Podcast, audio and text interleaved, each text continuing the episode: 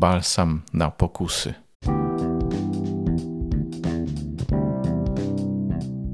Halo, halo, tu Robert Hecyk i podcast Poznajomości.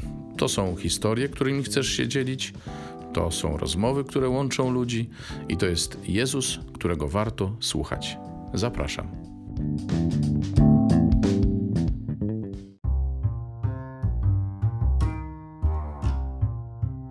Witajcie. Niedziela, tym razem w domu. Byliśmy na miejscu. Mieliśmy spotkanie naszej wspólnoty, spotkanie koinonii w takim wymiarze, w jakim to było możliwe, czyli głównie wirtualnie za pośrednictwem transmisji. I na tym spotkaniu była Eucharystia, a na Eucharystii homilia, którą się z Wami chcę podzielić. Dzisiaj ciąg dalszy tego, co zaczęliśmy tydzień temu. Jak pamiętacie, mowa była między innymi o tym, że pokusa to nie jest y, taka inspiracja, żeby zrobić coś lub czegoś nie robić. Pokusa tak naprawdę służy temu, żeby zerwać naszą relację z Bogiem. I przy okazji oczywiście z bliźnimi również. I na ten temat dzisiaj jest ciąg dalszy, bo dzisiaj mamy balsam na pokusy. Jak uleczyć to coś, co byłoby w stanie zerwać naszą relację z Panem. Posłuchajcie, zapraszam i życzę Wam owocnego słuchania, to raz, ale dwa, owocnego Wielkiego Postu. Wiecie, że w Wielkim Poście, zwłaszcza w Wielkim Poście, warto szczególnie słuchać Pana, który do nas mówi. Warto się wsłuchiwać w Jego głos, i warto za tym iść, co usłyszeliśmy. Chciałem przypomnieć, bo pewnie wiecie, a tym, którzy nie wiedzą, powiedzieć, że na stronach Kekakonet reaktywowaliśmy poranny suplement diety i od środy popielcowej publikujemy codziennie krótką pigułkę ze Słowem Bożym. No, po reklamie. Trzymajcie się do następnego razu. Piękne jest Słowo Boże dzisiaj, jak zwykle w sumie, ale naprawdę, jeżeli mówimy o tym, że Słowo jest dla nas dobrą nowiną, no to dzisiaj wiemy dlaczego. Dzisiaj jest to tak namacalne, tak soczyste wręcz.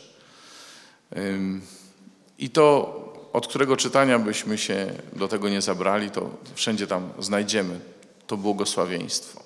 Oczywiście to błogosławieństwo nie jest oderwane od naszej ludzkiej sytuacji. I jeżeli sobie przypominacie, to e, w zeszłą niedzielę, czyli w pierwszą niedzielę Wielkiego Postu, czytaliśmy Ewangelię o kuszeniu Jezusa i tam, e,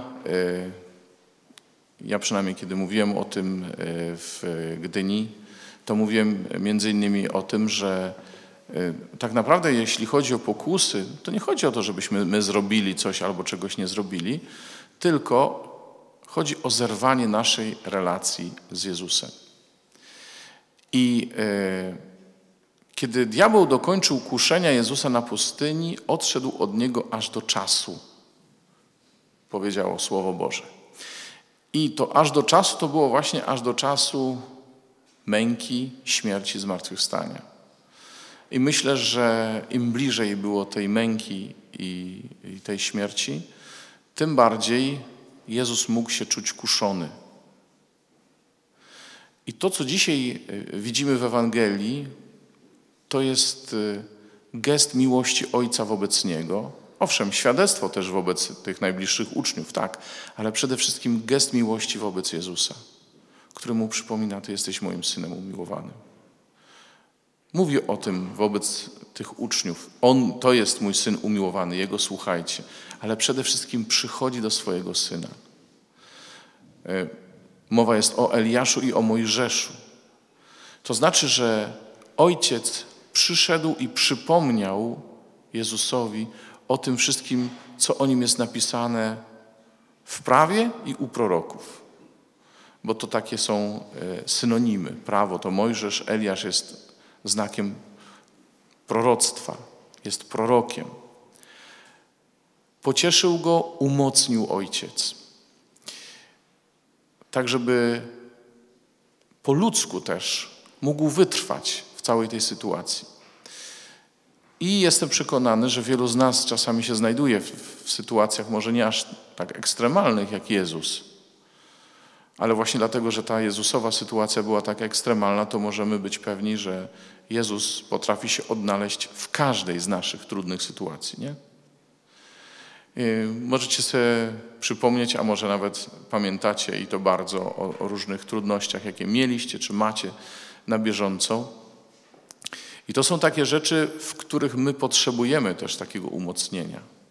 Potrzebujemy, żeby, e, żeby Pan się nam objawił, żeby Pan był przy nas, żeby Pan nam przypomniał.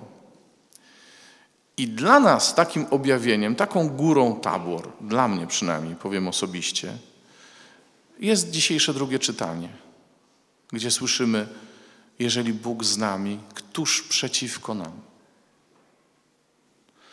On, który nawet własnego syna nie oszczędził, ale go za nas wszystkich wydał, jakże miałby wraz z nim wszystkiego nam nie darować? Słuchajcie, tak często słyszy się o tym, że Boga to nie ma, bo zdarzyło się tyle zła, tyle cierpienia. Boga to nie ma, albo jest y, nie tym, za kogo się podaje, skoro jest to, to, to, to i to na świecie. I wyobrażam sobie, że Abraham musiał czuć się bardzo źle w chwili, kiedy e, po tylu, tylu latach oczekiwania otrzymał swojego syna, owoc obietnicy, a przecież Bóg mówi mu, Abrahamie, złóż mi w ofierze swojego syna. Dałeś i chcesz zabrać? Zobaczcie, to nie jest tylko to, że on czegoś nie otrzymał. Otrzymał jak najbardziej, ale teraz ma to oddać. Tak jak Jezus, który ufał Ojcu do końca, Abraham też nie przestał ufać Bogu. Abraham w całej swojej trudności, w całej swojej rozpaczliwej chyba trochę sytuacji, mówi: Zrobię tak, jak chcesz. Nie oszczędził. Był gotowy na gest heroiczny, gest okrutny jednocześnie i heroiczny, ze względu na Boga, bo postawił go ponad wszystkim. On był najważniejszy dla niego. Ale też Bóg odpowiedział mu błogosławieństwem. Wszystkie narody będą życzyć sobie szczęścia takiego, jak będzie udziałem Twojego potomstwa. Bo zaufał. I to jest takie właśnie spotkanie, spotkanie na górze, tak jak między Jezusem a Jego Ojcem, Eliaszem, Mojżeszem. Do, do tego dochodzi zawsze wtedy, kiedy my się modlimy. To nie jest tylko nasza modlitwa, to nie jest tylko nasze wyjście e, ku Bogu ze wzniesionymi rękami, co tu dużo mówić, pustymi rękami, w potrzebie. To nie jest tylko to. Ale to jest też Bóg, który patrzy na nasze puste ręce i chce je napełnić. I je napełnia. Im bardziej my ufamy, im bardziej my pozostawiamy wszystkie nasze osądy i cały, cały bagaż niechęci czy obaw, jakie mamy w sobie, tym bardziej On nas napełnia. I dzisiaj Pan chce nas uwolnić od wszelkich obaw, niechęci, osądów, przypominając nam przez świętego Pawła, któż może wystąpić z oskarżeniem przeciw tych, przeciw tym, których Bóg wybrał, czyli przeciw nam? Któż, czy Bóg, który usprawiedliwia, któż może wydać wyrok potępienia, czy Chrystus Jezus, który poniósł za nas śmierć, co więcej, zmartwychwstał, siedzi po prawicy Boga i przyczynia się za nami? Czy On może być źródłem zła? Czy On może być rzeczywiście przyczyną naszego cierpienia? Czy to On? A nawet jeśli ktoś sprawia nam ból, to kto może nas potępić, jeśli Bóg nas usprawiedliwi? Jaki osąd ludzki, jakie potępienie ludzkie może nam zaszkodzić, jeżeli Bóg nas usprawiedliwia? Jakie poczucie winy może nas zniszczyć, jeśli Bóg mówi: We mnie masz zwycięstwo? Ja Cię usprawiedliwiam. Nikt Cię nie potępił, ja Cię nie potępiam, jak powiedział tej kobiecie cudzołożnej. Słuchajcie, dzisiaj, w drugą niedzielę Wielkiego Postu, Bóg przychodzi do nas z taką pociechą, ale przede wszystkim chce nas podtrzymać na duchu w tej drodze, żebyśmy nie ulegali pokusie zerwania z Nim relacji wtedy, kiedy albo nam się nie chce, albo jesteśmy w rozpaczy, albo się czegoś boimy, albo coś nam się trudnego stało, ktoś bliski umarł, ktoś bliski jest chory, brakuje nam podstawowych rzeczy życiowych, przyjaciel nas zdradził. Ale jeżeli Bóg z nami, to któż przeciwko nam? Ty jesteś, ja jestem, my jesteśmy Jego umiłowanymi dziećmi. I to jest prawie wszystko, co chciałem powiedzieć, tylko jeszcze oczywiście musi być postscriptum. Bo potrzebne jest nasze świadectwo zaufania temu Bogu, jeśli ktokolwiek przez naszą posługę ma do Niego się zbliżyć.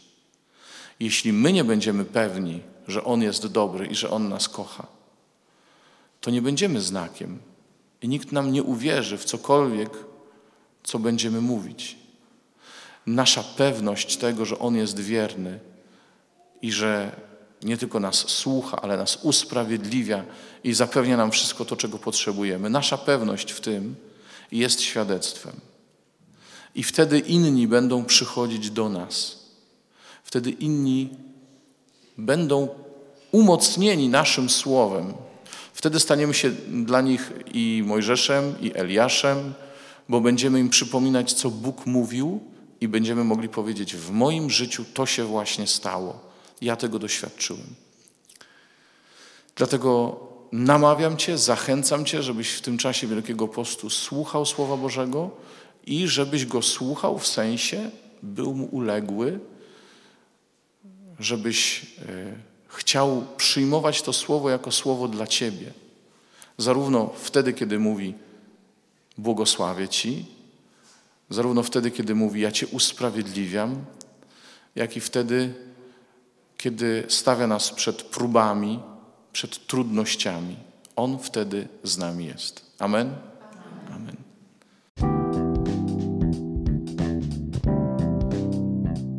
To był podcast Poznajomości. Zachęcam Was do pozostawiania wiadomości. Na stronie podcastu jest odpowiedni przycisk subskrybujcie ten podcast, tak żeby docierały do Was kolejne jego odcinki i zachęcam też do dzielenia się nim, tak żeby mógł być podcastem nie tylko moich znajomych, ale i znajomych moich znajomych, a może i ich znajomych. Do usłyszenia.